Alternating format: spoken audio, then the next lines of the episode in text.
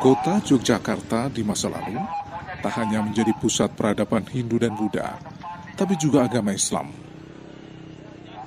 Keberadaan warisan peradaban Islam itu tak lepas dari kejayaan Kesultanan Mataram sebagai kerajaan Islam di Jawa setelah kekuasaan Kerajaan Demak surut. Hari ini saya melanjutkan ekspedisi jejak Islam Tanah Jawa di Jogja untuk meneliti dan menelisik sejumlah kisah dan fakta menarik tentang kejayaan Islam di masa Kerajaan Mataram. Saya menuju ke Kota Gede.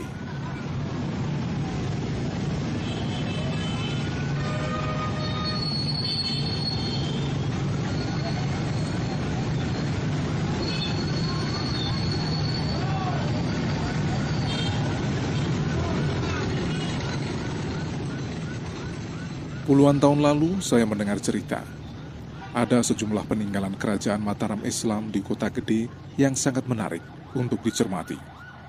Misalnya makam para pendiri kerajaan, masjid kuno Kota Gede, rumah tradisional berarsitektur Jawa Mataram, sampai pada sisa-sisa reruntuhan benteng kerajaan.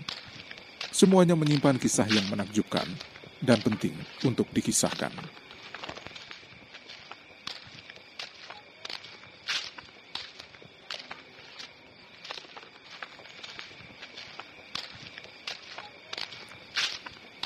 Yang pertama, saya mengunjungi kompleks makam para pendiri kerajaan Mataram yang berada sekitar 100 meter dari pasar kota gede.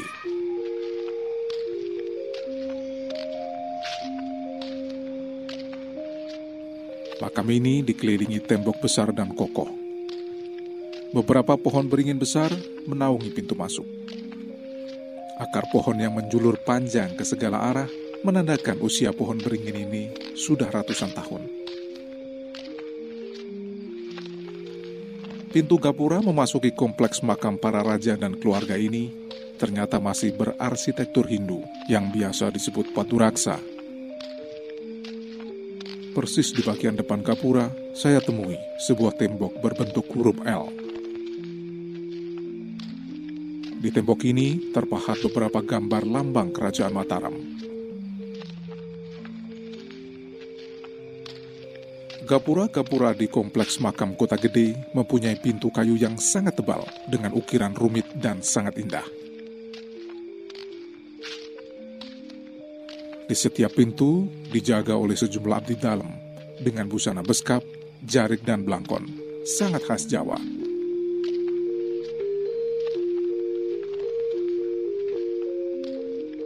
Ada tiga gapura yang harus dilewati sebelum masuk ke dalam. Arkeolog Muhammad Hawari menjelaskan tentang keberadaan gapura di komplek makam kota gede ini.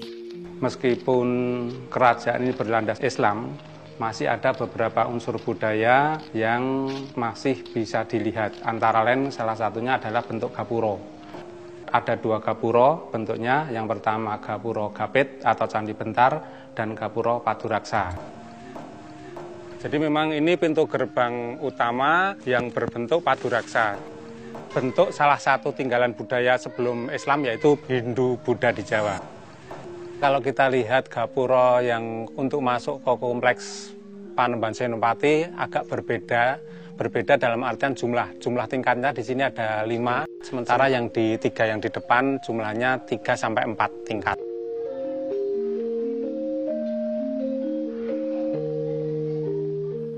Sejumlah tokoh penting kerajaan Mataram dimakamkan di sini.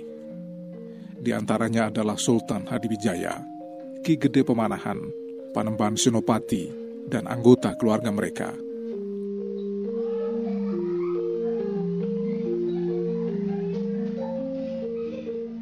Di dalam kompleks makam ini pula, saya melihat Masjid Kota Gede. Konon, ini adalah masjid tertua di Yogyakarta. Masjid ini dibangun oleh Panembahan Senopati saat berkuasa, yakni antara tahun 1583 hingga 1601. Lalu dilanjutkan saat masa pemerintahan Sultan Agung dan para keturunannya.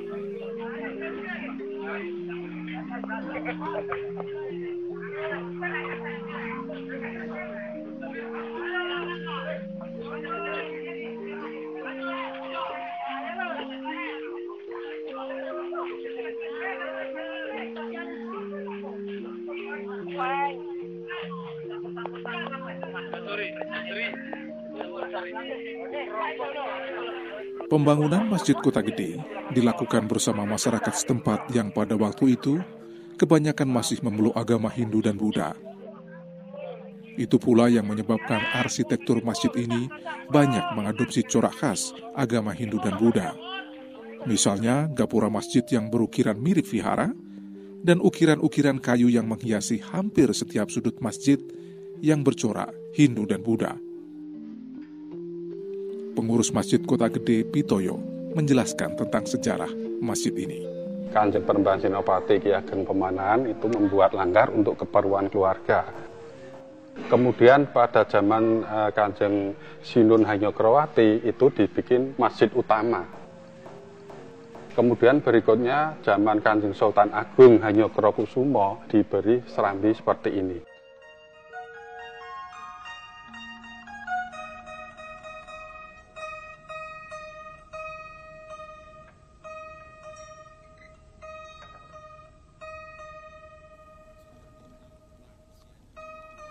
Di dalam masjid kuno ini terdapat sebuah mimbar yang berukir indah dan sangat rumit.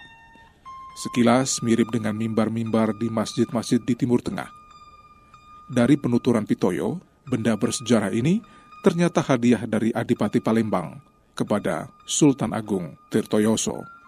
Di sini ada sebuah mimbar, Mas pemberian dari Sultan Palembang sebagai tanda persahabatan dengan Sultan Agung pada zaman Kerajaan Mataram dipegang oleh Sultan Agung. Dan mimbar ini sampai sekarang pun masih digunakan oleh para jamaah di Masjid Mataram Kota Gede. Bangunan inti Masjid Kota Gede ini merupakan bangunan Jawa berbentuk limasan. Cirinya dapat dilihat pada atap yang berbentuk limas dan ruangan yang terbagi dua yaitu inti dan serambi. Keunikan lainnya dari masjid kuno ini adalah adanya parit yang mengelilingi masjid. Parit ini di masa lalu digunakan sebagai saluran drainase yang berfungsi mengalirkan air yang telah digunakan untuk wudhu para jamaah.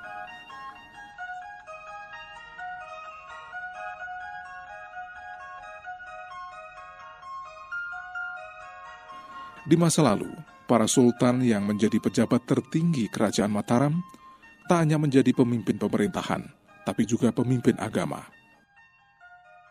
Karena itu, selama masa pemerintahan kerajaan Mataram, puluhan masjid didirikan, baik yang berada di lingkungan keraton maupun di tempat lainnya. Tujuannya untuk menyemarakkan syiar Islam dan menangkal pengaruh Barat, utamanya Belanda.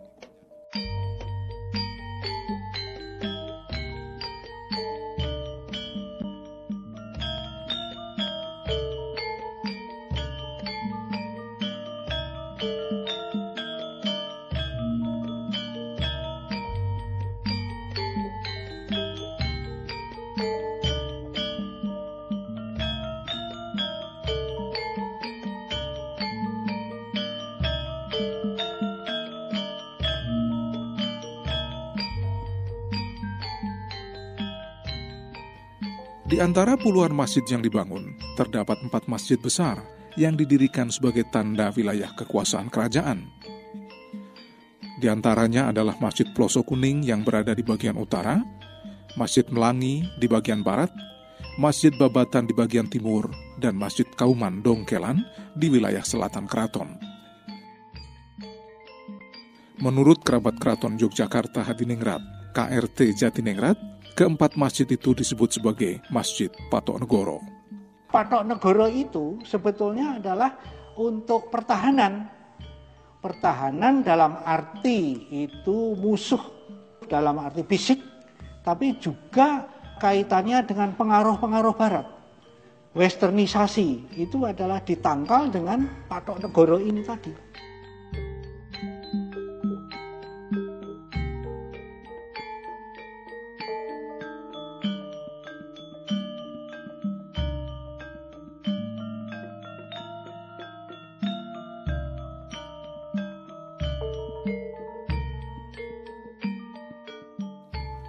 Sebelum menjadi kota kuno seperti saat ini, kota gede menyimpan sejarah yang sangat panjang.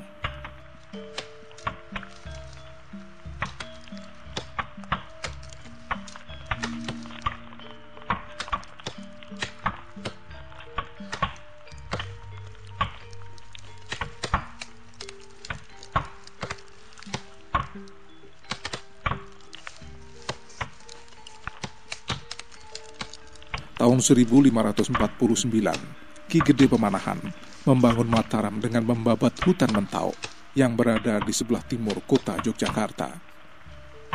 Mentau diberikan Raja Pajang Sultan Hadiwijoyo kepada Ki Ageng Pemanahan atas jasanya menaklukkan Aryo Penangsang.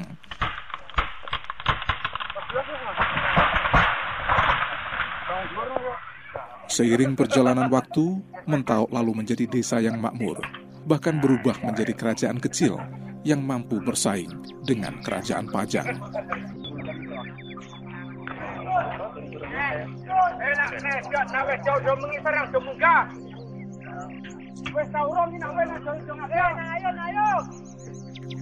Setelah Ki Ageng Pemanahan meninggal tahun 1575, kekuasaan Mataram dipegang putranya, Danang Sutowijoyo.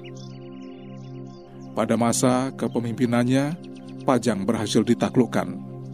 Lalu Sutowijoyo mengangkat dirinya sebagai Raja Mataram dengan gelar Panembahan Senopati. Lokasi keraton kemudian dipindahkan ke Kota Gede. Sepeninggal Panembahan Senopati, kekuasaan dipegang Mas Jolang yang bergelar Prabu Hanyokrowati. Selanjutnya tahta dipegang Adipati Martopuro, lalu digantikan Mas Rangsang, putra sulung Mas Jolang.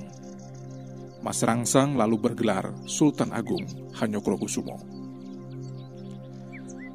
Pada masa pemerintahan Sultan Agung selama 32 tahun, mulai tahun 1613 sampai 1645, Kerajaan Mataram mengalami kejayaan. Siar Islam berkembang pesat, dan wilayah kekuasaan Mataram mencakup Pulau Jawa dan Madura. Setelah Sultan Agung wafat, kekuasaan Mataram berangsur surut. Puncaknya terjadi pada Perjanjian Gianti yang ditandatangani tahun 1755 yang memecah kerajaan Mataram menjadi dua bagian. Masing-masing adalah Kasunanan Surakarta dan Kasultanan Yogyakarta. Perjanjian ini tak lepas dari politik Belanda untuk memecah kekuasaan Mataram dan melemahkan siar Islam sekaligus meredam bibit perlawanan warga terhadap Belanda.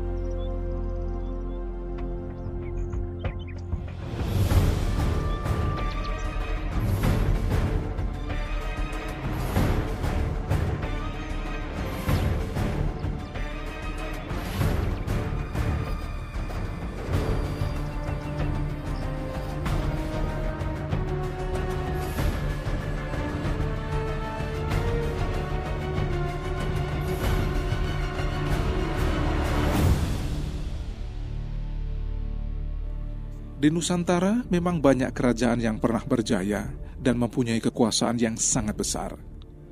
Sriwijaya, Pajajaran, Singosari, Kadiri, Majapahit, dan Mataram adalah sebagian dari kerajaan yang cukup disegani pada masa lalu. Sayang, saat ini kita jarang bisa melihat lagi situs-situs kebesaran kerajaan yang pernah mengharumkan Nusantara itu.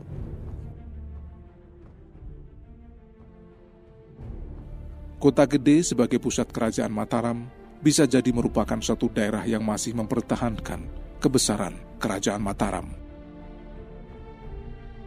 Meski bangunan keraton tidak bisa dilihat lagi, tapi masih ada tembok cepuri yang mengelilingi keraton Mataram yang masih bisa terlihat jelas.